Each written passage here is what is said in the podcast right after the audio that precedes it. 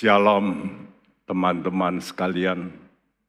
Kita memasuki hari-hari yang makin menentukan ya dari rencana Allah, program Allah. Kita ini pada sudah pada ujung daripada program Tuhan untuk manusia dia sabar, dia belum menghakimi, tapi kita mesti tahu bahwa dia akan datang menghakimi. Nah inilah judul subtema kita. Ya tema besar kita adalah aku mengasihi. Dan sekarang Tuhan berkata aku datang menghakimi.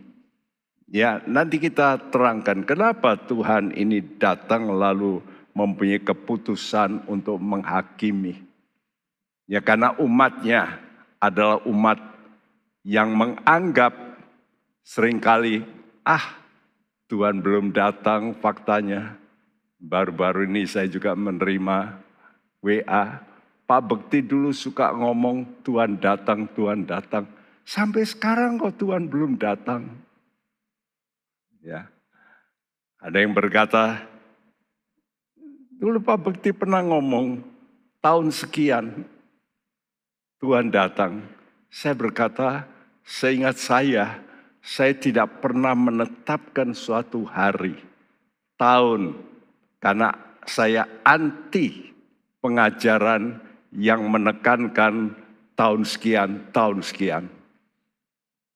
Itu tidak mungkin, karena Alkitab sendiri sudah memberitahu, berjaga, berdoalah. Kamu tidak tahu kapan aku datang. Jelas, saudaraku, kita Maleakhi adalah kitab terakhir dari perjanjian lama. Dan kitab ini berisi teguran-teguran yang maha keras, luar biasa. Kenapa? Karena umatnya menganggap Allah itu kok diem aja ya.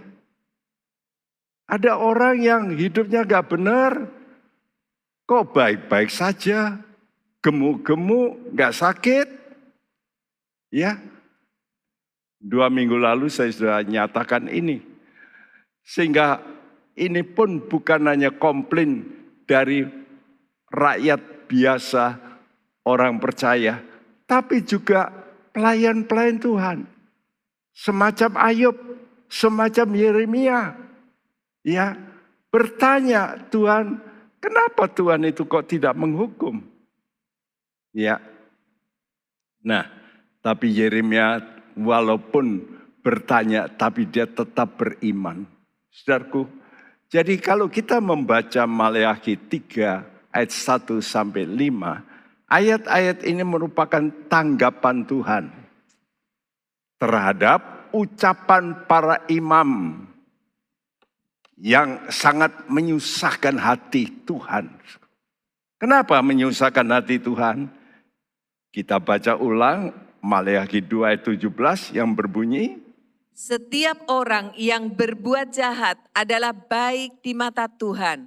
Kepada orang-orang yang demikianlah ia berkenan atau jika tidak, di manakah Allah yang menghukum? Ya, ini satu pertanyaan klasik. Kenapa ya orang yang nggak baik kok ya baik-baik saja hidupnya? Anak-anaknya diberkati, ya. Dan seolah-olah Tuhan itu kok diam. Di mana Tuhan yang adil itu? Lalu ditanyakan, di mana Allah yang menghukum?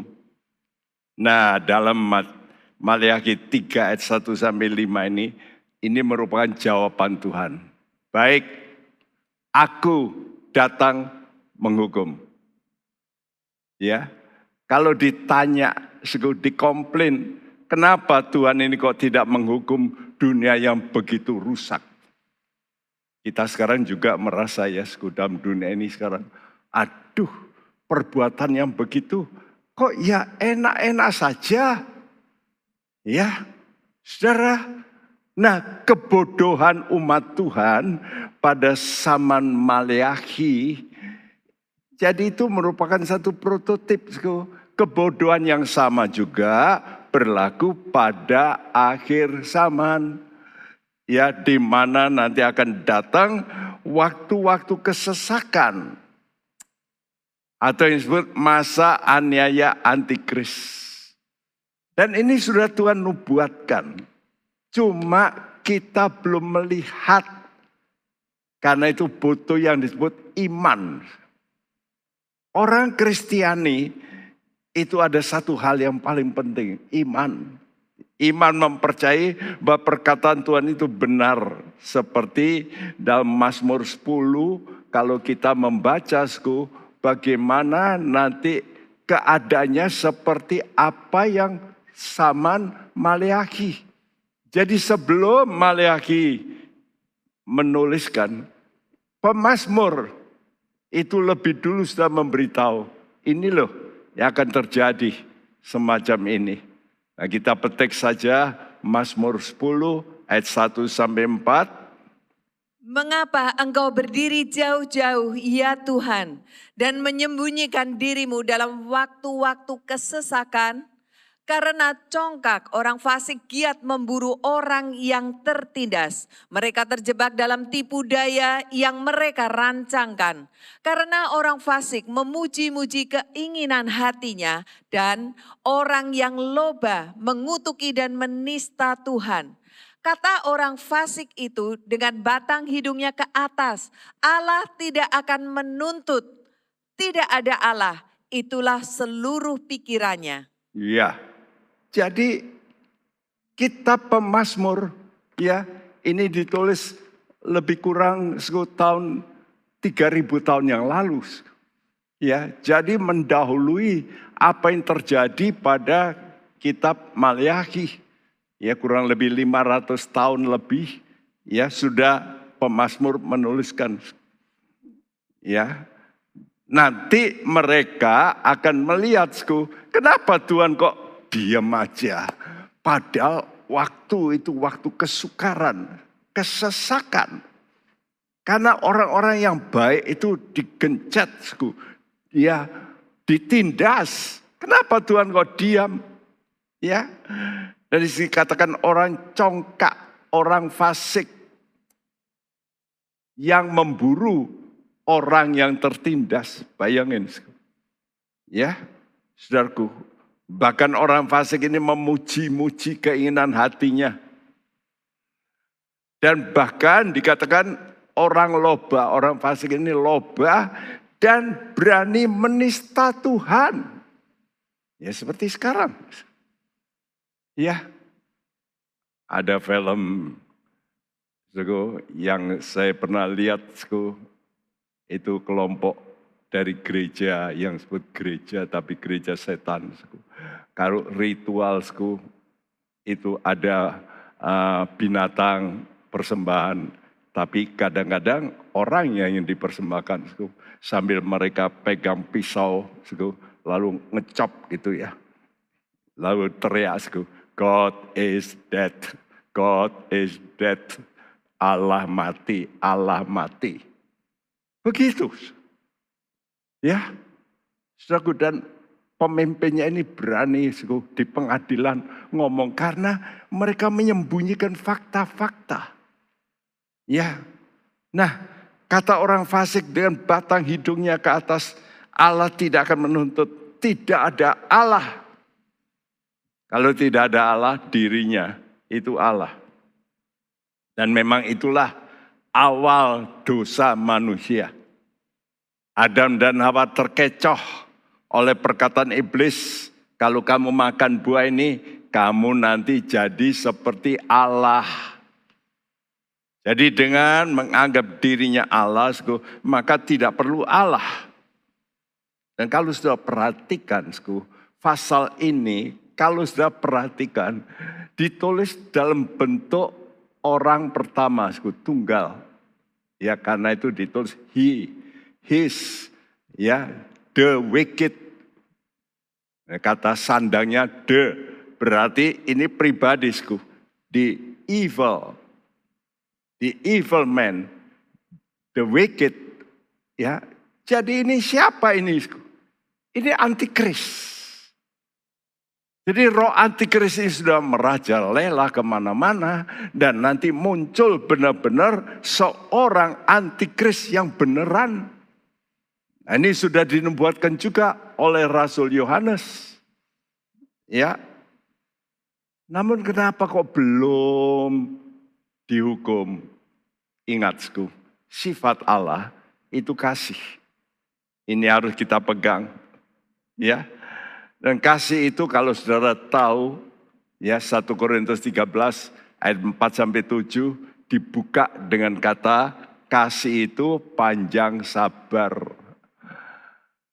Ditutup dengan ayat 7, suku, kasih itu sabar, sabar menderita. Jadi memang suku, selama ini Tuhan itu dalam batinnya menderita atas perbuatan manusia Ya, di dalam kejadian dikatakan Tuhan itu uh, mengeluh, ya, artinya menghela nafas. Saya ciptakan manusia untuk baik, kok begini manusia ini? Ya, banyak orang tua kalau melihat anaknya sudah diatur dengan baik.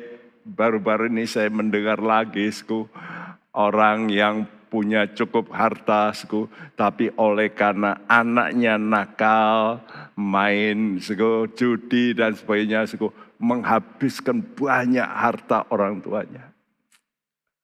Orang tuanya bisa apa? Menghela nafas. Aduh, kok begini ya?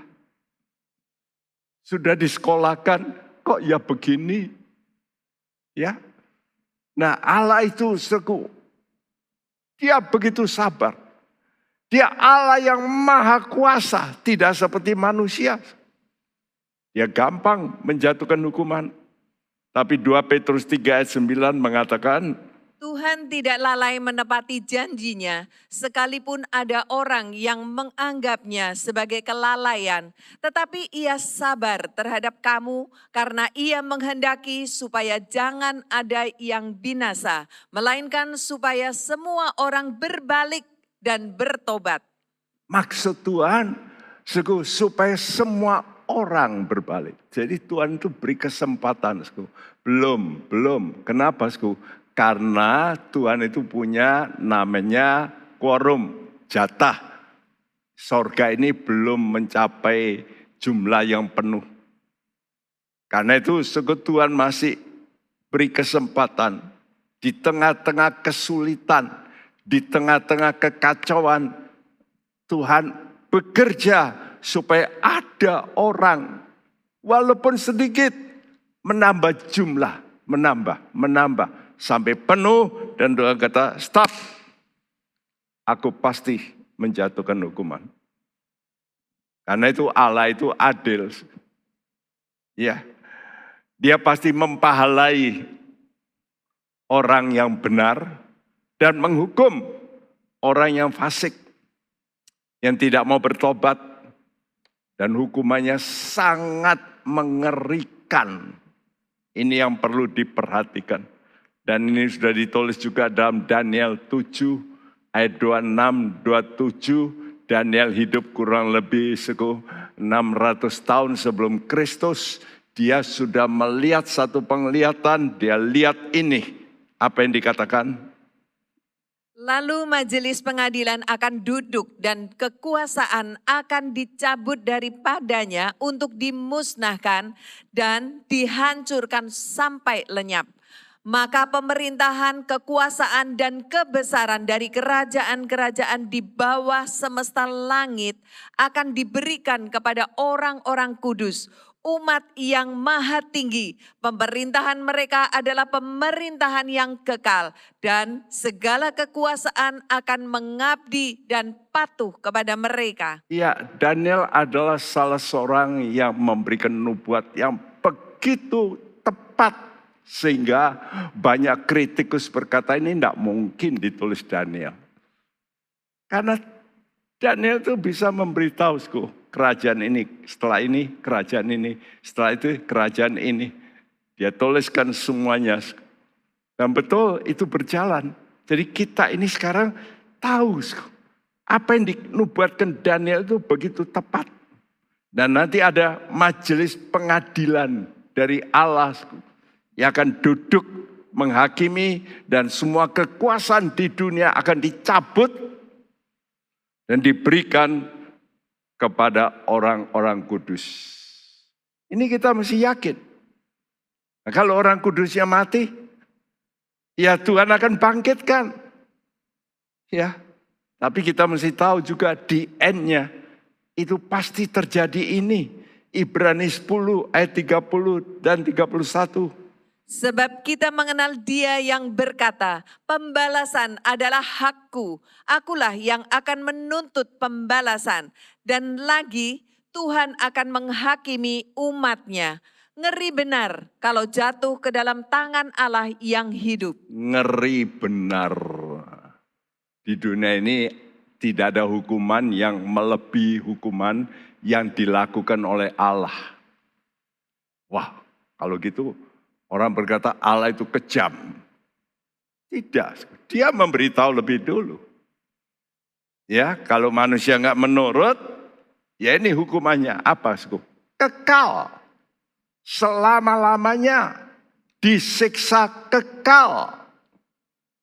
Karena itu Paulus yang menulis surat Ibrani berkata ngeri benar kalau jatuh ke tangan Allah yang hidup. Nah, Allah mengerti bahwa satu kali manusia itu akan teriak-teriak dan berkata Tuhan ampuni saya ampuni. Tuhan kata no, nggak bisa terlambat. Dan ini pasti terjadi. Saudaraku, karena itu kita harus sabar. Kalau melihat orang-orang yang nggak benar, yang mencundangi kita, melakukan yang nggak baik, kita serahkan kepada hakim yang akan melakukan pembalasan. Dan untuk supaya tahu bahwa Allah itu betul-betul mengasihi manusia, maka Tuhan kirim seorang hambanya, ya, mendahului Tuhan Yesus yang kita kenal dengan nama Yohanes Pembaptis. Dia lahir lebih dulu enam bulan sebelum Yesus. Ya, kalau Yesus lahir tanpa bapak, maka Yohanes lahir waktu usia orang tuanya itu sudah lanjut. Ya. Ibunya Elizabeth mandul dan sudah usia lanjut. Jadi dua-dua ini mujizat. Dan ini menggegerkan ya waktu itu. Menggegerkan umat Tuhan. Wah, datang seorang yang namanya Yohanes Pembaptis, saudaraku. Ya, jadi waktu dia berkhotbah bukan di gedung gereja, tapi dia berkhotbah itu di padang gurun. Dan orang-orang datang ke padang gurun. Ini hebatnya. Banyak kali ya anak buah yang saya utus, Om, gedungnya masih kontrak, jadi nggak bisa maju. Nggak ada alat musik yang canggih.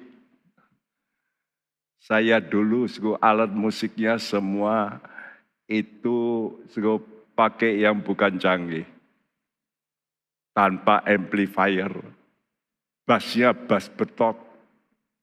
Ya, saya main gitar, istri saya main piano sebisanya. Sampai sekarang kalau disuruh main lagi, harus Gak bisa, sku. karena terpaksa. Ya, main aja. Tapi hadirat Tuhan itu yang penting. Jadi Tuhan mengirim utusan ini. Yohanes Pembaptis. Walaupun dia khotbah di padang gurun. Orang-orang datang. Karena apa? Karena hadirat Tuhan. Ya. Jadi karena kasih Allah. Sebelum dia jatuhkan hukuman. Walaupun dalam kitab Maleakhi ini Tuhan sudah tegur keterlaluan mana Allah yang menghukum? Seolah-olah menantang Tuhan. Maka Tuhan menjawab, Maliaki 3 ayat 1a, Lihat, aku menyuruh utusanku supaya ia mempersiapkan jalan di hadapanku. Iya. Jadi Tuhan kata, oke, kamu nantang-nantang. Sekarang aku masih beri kesempatan lagi. Supaya kamu ini bisa tobat. Aku kirim seorang utusan yang lahirnya mujizat. Sampai orang tuanya Sakaria, ya dia nggak percaya. Bagaimana mungkin saya sudah tua, istri saya mandul. Oleh karena dia tidak percaya sampai Tuhan bikin dia bisu. Selama istrinya mengandung bisu. Sampai lahir. Waktu ditanya namanya siapa, baru dia ngucap tuh. Yohanes. Wih, geger orang. Wow. Sembilan bulan bisu. Sekarang mendadak bisa ngomong. Jadi mujizat ini tersiar di mana-mana. Ya. Jadi Yohanes Pembaptis ini betul-betul penggenapan nubuat ya. Yang Tuhan berikan kepada umat Israel bahwa akan muncul seorang yang berseru-seru di padang gurun. Ya. Saudaraku, dan kira-kira waktu dia beroperasi mulai menyampaikan firman karena dulu umur imam itu 30 tahun. Dan itu baru mereka suku terhitung untuk jabatannya. Ya. Kecuali imam besar. Imam besar ini sampai mati. Tapi kalau imam-imam biasa jabatannya itu sampai 50 tahun. Sesudah itu ganti yang lain. Ya. Tapi kita melihat Tuhan Yesus itu sampai mati. Kenapa? Karena dia imam besar. Dan peraturan imam besar tidak boleh diganti sampai mati. Kecuali pada zamannya Tuhan Yesus. Karena pengaruh uang, imam besar itu bisa gantian. Mertua sama menantu. Ya. Wah ini sudah rusak. Nah, coba kita baca Matius 3 ayat 1 sampai 6 apa kata firman Tuhan? Pada waktu itu tampillah Yohanes Pembaptis di padang gurun Yudea dan memberitakan, bertobatlah sebab kerajaan sorga sudah dekat. Sesungguhnya dialah yang dimaksud Nabi Yesaya ketika ia berkata, ada suara orang yang berseru-seru di padang gurun, persiapkanlah jalan untuk Tuhan, luruskanlah jalan baginya. Yohanes memakai jubah bulu unta dan ikat pinggang kulit, dan makanannya belalang dan madu hutan. Maka datanglah kepadanya penduduk dari Yerusalem, dari seluruh Yudea, dan dari seluruh daerah sekitar Yordan. Lalu sambil mengaku dosanya, mereka baptis oleh Yohanes di sungai Yordan. Iya, so, ini baptisan pertobatan karena Yohanes teriak supaya mereka bertobat. Ya, dan banyak orang datang walaupun di gurun. Sayang hanya sebagian kecil orang yang disebut orang Farisi, orang Saduki yang bertobat. Tapi imam-imam kepala yang termasuk juga orang Saduki, tua-tua, ahli-ahli Taurat, mereka menolak berita Yohanes. Pada waktu itu Yohanes memperkenalkan kepada murid ya daripada uh, jadi waktu itu murid Yesus datang kepada Yohanes maka Yohanes berkata lihat anak domba Allah yang menghapus dosa dunia. Ya jadi dia tunjuk ini loh Yesus ini yang menghapus dosa. Nah Saudaraku, kenapa Sekarang Tuhan mau alihkan jabatan yang biasa imam itu turun menurun. Nanti anaknya ganti, ya. Lalu kalau sudah mati diganti anaknya. Nah kegagalan pemimpin bangsa Israel itu dalam Maleakhi 2 sudah kita terangkan. Mereka itu menyimpang dari jalan Tuhan. Sehingga Tuhan memfonis Fonisnya keimaman menurut peraturan Taurat batal. Ya. Dan Tuhan ganti dengan keimaman yang baru menurut peraturan Melki Sedek. Melki itu raja, Sedek itu kebenaran. Ya, raja kebenaran. Ya. Nah, jadi Tuhan itu bukannya lalu membuang lalu sudahlah aku buang para imam. Tapi dia ganti dengan seorang imam yang diturunkan dari sorga. Imam yang sangat luar biasa. Imam yang bisa berbelas kasihan. Melihat orang-orang berdosa. Sayang, seguh.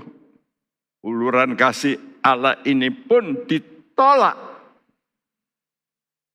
oleh orang Israel. Bahkan menyalibkan Yesus. Wow. Ya, jadi Tuhan itu apa yang dia ucapkan, aku mengasihi kamu, itu betul-betul bukan cuma ngomong, tapi dia buktikan dengan kehadiran Yesus. Allah semesta, pencipta, mau berubah, berinkarnasi menjadi manusia. Seperti manusia berdosa. Bahkan rela di hina, rela diseret, dipukuli, diludai, bahkan ditelanjangi, bahkan disalibkan. Tuhan rela. Kenapa? Karena Tuhan mengasihi. Itu saja, nggak ada yang lain. Jadi dia melakukan semua hanya satu alasan. Saya mengasihi manusia. Aku ingin manusia ini walaupun rusak, aku ingin bisa berubah. Memang ini satu pelajaran yang harus kita terapkan dalam keluarga kita. Kalau kita mungkin jengkel, benci sama perbuatan anak kita yang menghabiskan uang. Kita mesti pikir keselamatan jiwanya. Hanya orang yang bisa mempunyai kasih, dia bisa ngampuni. Walaupun banyak merugikan. Karena itu sekutu Tuhan waktu ditantang, mana Allah yang menghukum? Lalu Tuhan kata, baik, aku datang menghukum. Dan Tuhan kalau datang, mendadak. Ingat, ya. Jadi nanti banyak orang kaget-kaget.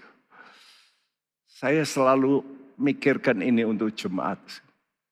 Dan orang-orang Kristen umumnya. Sekarang ini banyak yang santai-santai masih nggak siap begitu. Tapi nanti mendadak Tuhan itu datang mendadak. Ya, seperti mendadak Yohanes Pembaptis. Papa mamanya sudah tua, eh mendadak punya anak. Itu kan mendadak. Lalu mendadak Yesus muncul. Tapi ditolak juga. Dan nanti Tuhan juga mendadak datang. Ya. Maliakhi 3 ayat 1b. Dengan mendadak Tuhan yang kamu cari itu akan masuk ke baitnya. Malaikat perjanjian yang kamu kehendaki itu sesungguhnya ia datang. Firman Tuhan semesta alam. Ya, nama Yesus ada begitu banyak. Yehova Rapa, Yehova Jireh, Yehova Sitkenu, ya, Yehova Shalom, tapi di sini ada namanya malaikat perjanjian. Jadi Yesus itu malaikat perjanjian. Bahkan kalau sudah baca dalam perjanjian lama, sering kali ditulis dalam huruf besar, malaikat Tuhan.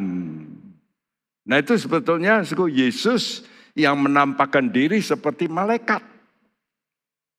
Ya. Jadi Tuhan ini menunggu, menunggu. Dia sabar, ya, supaya umat ini mau menerima Yesus sebagai Mesias. Karena itu dia lahir menjadi manusia bukan di istana, dia lahir di tempat yang tidak layak, di kandang binatang. Luar biasa Tuhan kita.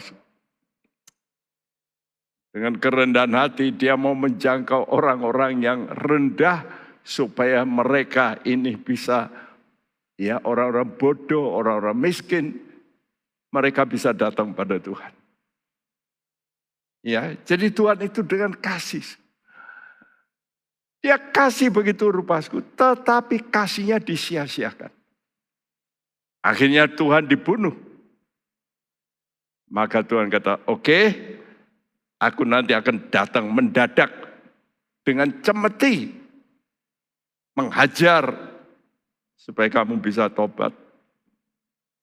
Saudaraku, Nabi Daniel yang diakui oleh bangsa Israel sebagai nabi Tuhan, dia adalah seorang nabi yang dahsyat karena dia bisa diangkat menjadi pejabat tinggi dari dua negara yang bermusuhan. Babel dan Persia. Wane ini. Orang ini memang tidak pro sana pro sini, tapi pro Tuhan. Sehingga waktu Babel jatuh, dia pun masih dipakai oleh kerajaan Persia. Padahal kerajaan Persia ini musuhnya Babel. Wah ini luar biasa. Ya. Dan waktu dalam kerajaan Persia itulah Daniel dia melihat penglihatan-penglihatan yang luar biasa. Dan dia membuat satu nubuat tentang yang dikenal dengan 70 minggu Daniel. Jadi hal ini menyatakan walaupun Allah itu ya kasih dan setia, namun jangan lupa, dia itu adil. Ya. Jadi Allah menyatakan bahwa di samping adil, Allah itu kasih dan setia. Ya, tetap setia pada perjanjiannya walaupun dilanggar oleh umat Israel. Tapi dia dengan setia menanti nanti akan muncul keturunan Abraham yang mau menerima Yesus. Nah ada tiga kesempatan bagi Israel. Ya, waktu Tuhan itu kalau program kadang-kadang sekarang oleh karena dia itu adalah programmer yang dahsyat, dia lalu memberikan garis batas Ya, kalau di dunia dikasih waktu ini batasnya, deadline gitu. Kalau sudah melewati ini nggak bisa. Ya. Jadi kesempatan itu dimulai waktu Nehemia itu menjadi uh, pejabat minuman raja Persia yang namanya Arta Sasta dalam Alkitab atau di sejarah Artaserses. Ya. Longimanus, Longimanus itu uh, suatu predikat ya. Artinya long hand gitu. Jadi sego tangan yang mengulurkan. Dia itu anak dari Serses pertama dan inilah yang ditulis dalam Alkitab Ahas Weros yaitu zamannya Esther Ya karena terjadi sesuatu. Esther ini mengubah sejarah, maka Artaserses anaknya itu lalu ingat orang Yahudi. Wah ini luar biasa. Jadi tangan Tuhan itu begitu luar biasa. Nah kita melihat sekarang bagaimana Tuhan memberikan kesempatan 70 minggu Daniel. Kalau dikatakan 70 minggu itu berarti 70 kali 7. Satu minggu itu 7 hari. Jadi 70 kali 7. Dan bukan hari, tahun. Kapan dimulai ya satu uh, namanya program Allah untuk Israel. Oleh karena terus hidup mereka itu enggak berubah-ubah. Tuhan kata, oke okay, aku kasih ini waktu. Dan aku tahu waktu ini akan dibagi tiga. Yaitu lengkungan pertama putih, lengkungan kedua merah, lalu lengkungan ketiga merah darah. Ya, saudaraku. Nah, lengkungan pertama ini dituliskan tujuh minggu. Kesempatan tujuh minggu ini kesempatan pertama. Karena Allah mau bicara lewat nabi-nabi PL terakhir. Siapa itu kalau kita baca Alkitab? Itulah Nabi Hagai, Sakaria, Maleakhi. Ya, ini 49 tahun. Ya. Lalu Tuhan berkata, Aku nanti tahu yang berikutnya, jadwal berikut 42 minggu. Ini berarti 434 tahun. Kenapa begitu? Karena kita tahu, saya tuliskan di sini bahwa Nabi Maleakhi itu bicara yang terakhir. Keras tapi tidak bertobat. Karena itu Tuhan tutup mulut, dia diam. Dia tidak pernah kirim nabi selama 400 tahun. Ya, kurang lebih. Dia tidak kirim utusan seorang pun. Mendadak pada akhir ya dari 400 34 tahun itu lahirlah Yohanes. Jadi ini dia itu nabi perjanjian lama yang terakhir. Siapa? Yohanes. Karena dia memberikan tongkat estafet kepada Yesus.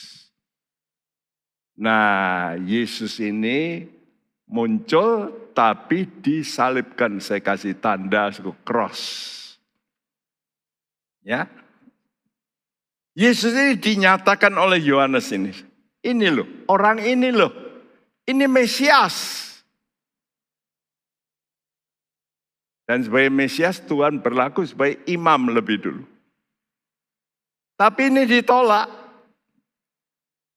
Ya, karena itu kesempatan ini lalu diberikan pada gereja Tuhan. Kepada orang non-Yahudi. Ya. Jadi Allah berbicara pada bangsa-bangsa sekarang, bukan kepada orang pilihannya saja, tapi oleh karena mereka menolak, oke, okay, aku buka kesempatan untuk orang yang bukan Yahudi untuk terima aku sebagai raja, sebagai Mesias. Nah ini yang disebut gereja. Dan Daniel nggak tahu ini. Dia nggak ngerti tentang gereja. Ya, karena itu ini tersembunyi bagi Daniel. Tapi Daniel cuma diberitahu, nanti aku kasih kesempatan satu minggu lagi terakhir untuk bangsa Israel. Jadi lengkungan pertama itu tujuh kali tujuh tahun. Lengkungan kedua sego 60, 62 kali 7 tahun. Lengkungan terakhir itu namanya minggu ke-70 itu kesempatan ketiga. Caranya gimana sekarang? Allah bicara gimana? Allah bicara melalui hajaran, cemeti, melalui aniaya. Ya. Dan di tengah aniaya itu nanti Tuhan munculkan dua orang yang dulu pernah diangkat Tuhan ke sorga. Siapa itu? Itulah Elia. Elia dulu naik kereta berkuda, berapi. Ya, itu disaksikan murid-murid. Nanti Elia diturunkan bersama dengan seorang lagi, Musa. Karena Musa ini sangat dihormati. Ya, dan dua saksi ini nanti akan berbicara pada pertengahan terakhir dari tiga setengah tahun. Jadi tujuh tahun lengkungan merah darah itu suku dibagi dua ya tiga setengah tiga setengah. Dan tiga setengah pada waktu penderitaan besar di situ Musa dan Elia datang untuk bicara kepada orang Israel. Ayo terima Yesus. Ya dan setelah itu sudah melihat nanti dalam kitab Nabi Sakaria, dua per tiga orang Israel mati. Ini Tuhan sudah kasih tahu juga jumlahnya. Tinggal sepertiga. Nah, waktu mereka kepepet, aduh merasa terjepit oleh antikris. Tuhan menampakkan diri di udara. Ya, dia Tuhan tunjukkan tangannya yang berlobang. Seperti waktu Paulus. Nah, waktu itulah orang Israel tinggal sepertiga ini nangis melihat Yesus. Wah, dia yang kami ya bunuh. Inilah Mesias. Nah, waktu mereka berkata, "Engkau Yesus, Mesias." Maka Tuhan langsung turun membela orang Israel yang waktu itu sedang dikepung oleh antikris. Dalam satu ladang yang disebut Armageddon. Karena itu disebut perang Armageddon. Ya.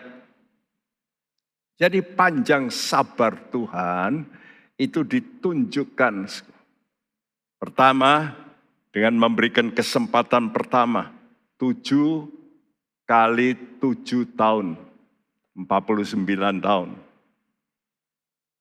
Dalam tempo 49 tahun ini Tuhan utus tiga nabi.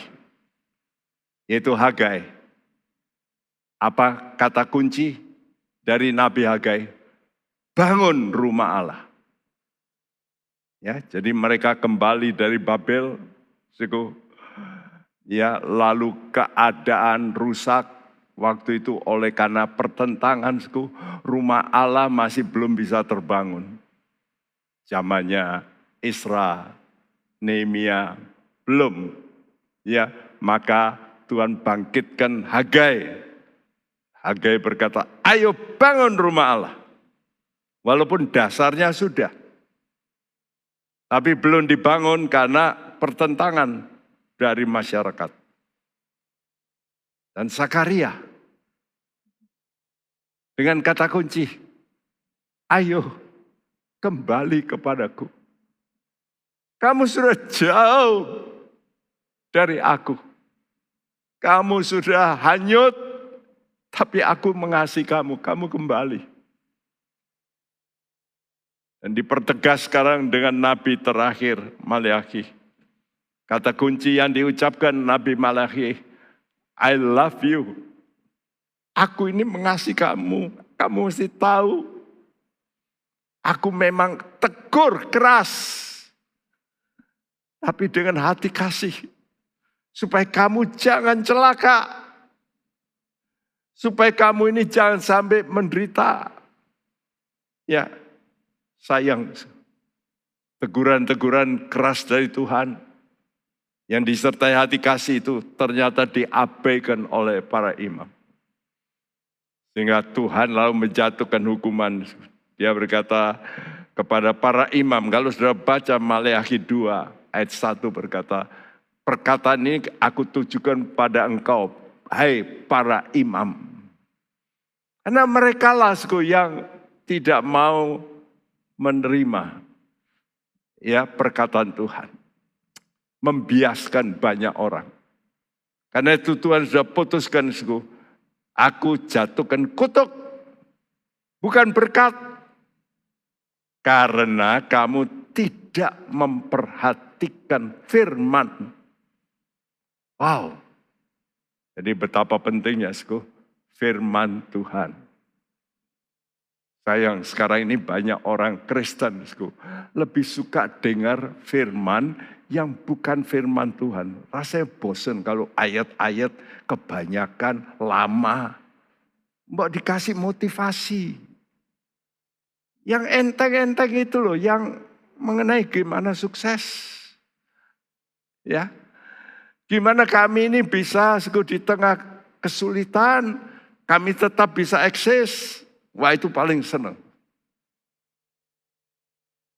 Sehingga waktu Paulus bicara lama, pemuda Eutikus jatuh dari loteng, mati. Nah, saya harap jangan sampai anak-anak muda Kristen itu peka telinganya, nggak mau dengar firman Tuhan. Paulus kalau bicara sampai malam, sampai mereka ngantuk, pemuda ini tapi murid-murid tua-tua mereka antusias mendengar Paulus. Apalagi mau berpisah. Sangat menyedihkan kalau saya melihat zaman sekarang ini. Gereja dipersingkat kalau bisa sangat singkat. Firman yang dibagikan bukan firman tapi suku motivasi bagaimana bisa mem, apa itu memblow up gitu ya. Supaya uh, rasa ya suku seperti semangat gitu. Tapi semangatnya lemon. Nanti fakta terjadi aniaya, kesukaran. Nah di situlah kelihatan apakah punya dasar yang baik atau enggak. Kesempatan kedua, 62 kali 7. 434 tahun Allah menunggu. Allah berdiam diri. Ya. Lalu mendadak Tuhan munculkan Yohanes Pembaptis. Kenapa begitu? Karena Tuhan mau melakukan shock terapi. Jadi terapi kejutan ya supaya terkejut dan Yohanes Pembaptis memperkenalkan Yesus. Lihatlah anak domba Allah yang menghapus dosa dunia. Ini sudah jelas-jelas. Lahirnya Yohanes ini mujizat. Waneh, kakek nenek melahirkan. Ini seperti Abraham. Mujizat.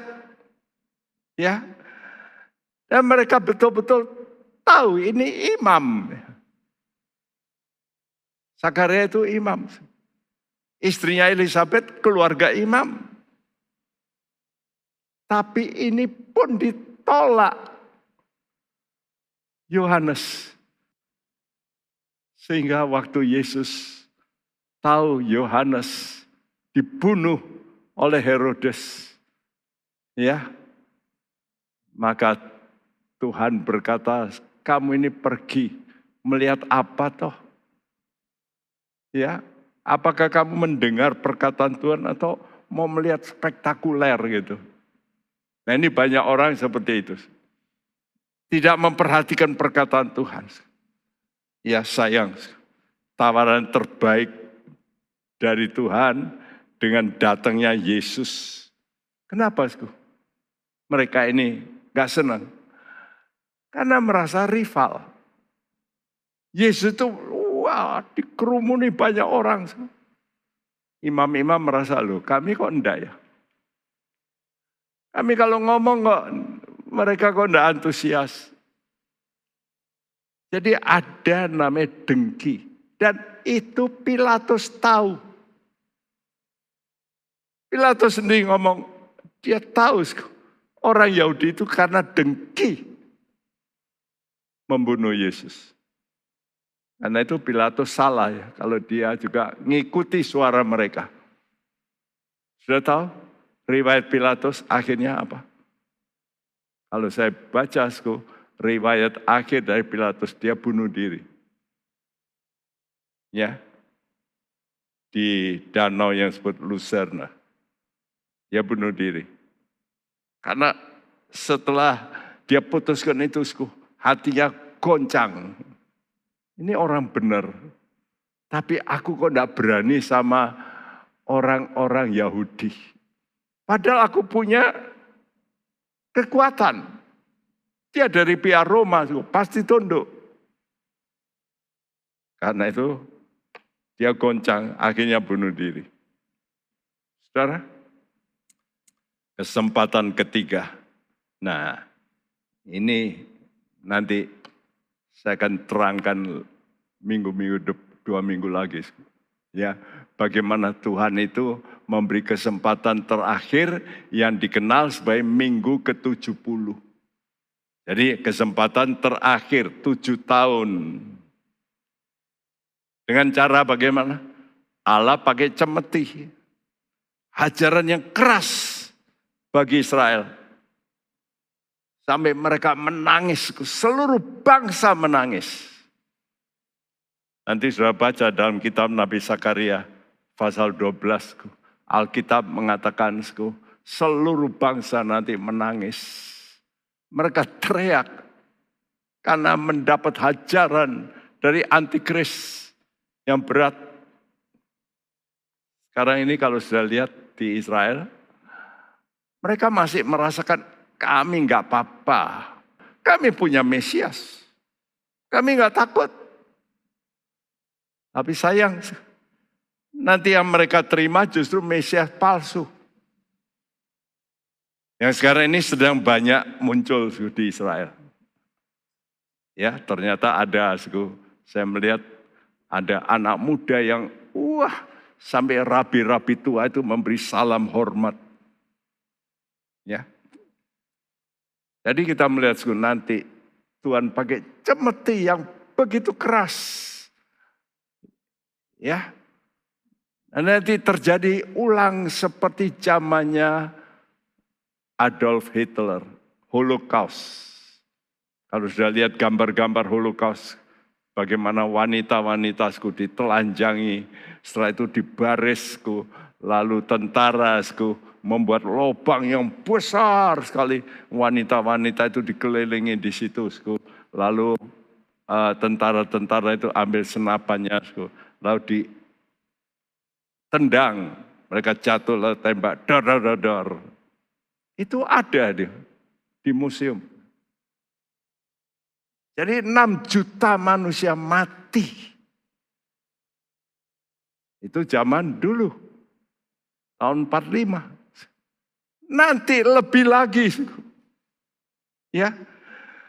Jadi ingat firman Tuhan ini diberikan pada gereja kita sekarang ini. Supaya kita ini tahu bahwa Tuhan saja kalau memperlakukan bangsa pilihan yang tidak nurut itu dengan keras, apalagi kita. Yang sebetulnya dikatakan Tuhan ini kita ini cangkokan, bangsa cangkokan. Ya. Kita pasti akan mengalami penderitaan. Kalau orang Israel mengalami penderitaan, ada orang-orang percaya nanti mengalami penderitaan. Tapi di situlah Tuhan seleksi lagi. Dan Tuhan kirim roh kudus membantu supaya di tengah-tengah penderitaan baik Israel, Tuhan kirim Musa, Elia untuk mempertunjukkan kuasa Tuhan, Nanti roh kudus bekerja di tengah-tengah penderitaan yang berat dan banyak orang bertobat. Aneh, di tengah sengsara justru mereka ini melek, sadar, terbuka, lalu mereka teriak sama Tuhan. Namun banyak yang harus mati syahid, martir. Karena itu bagi saudara yang mendengarkan khotbah ini, mari sebelum hal itu terjadi, Tuhan memberikan satu sebuah program rapture, diangkat lebih dulu. Sebelum Tuhan hakimi dalam masa sengsara. Biasanya orang itu kalau sengsara baru suku sadar. Sekarang kalau saudara ingin tidak mengalami, ayo kita berani. Hidup kita ini masih benar. Karena ini ukuran Tuhan. Untuk masuk surga itu apa ukurannya? Kudus. Nggak ada yang lain. Bukan lamanya menjadi Kristen. Anda kudus tidak. Bagi Tuhan nanti Tuhan yang periksa apa? Pakaianmu putih apa tidak? Kalau pakaianmu masih cemar, nggak mungkin. Karena itu kita percaya kasih Tuhan. Kasih yang menyelamatkan. Yuk kita anak-anak Tuhan menyanyikan pujian ini kasih Tuhan, kasih yang menyelamatkan.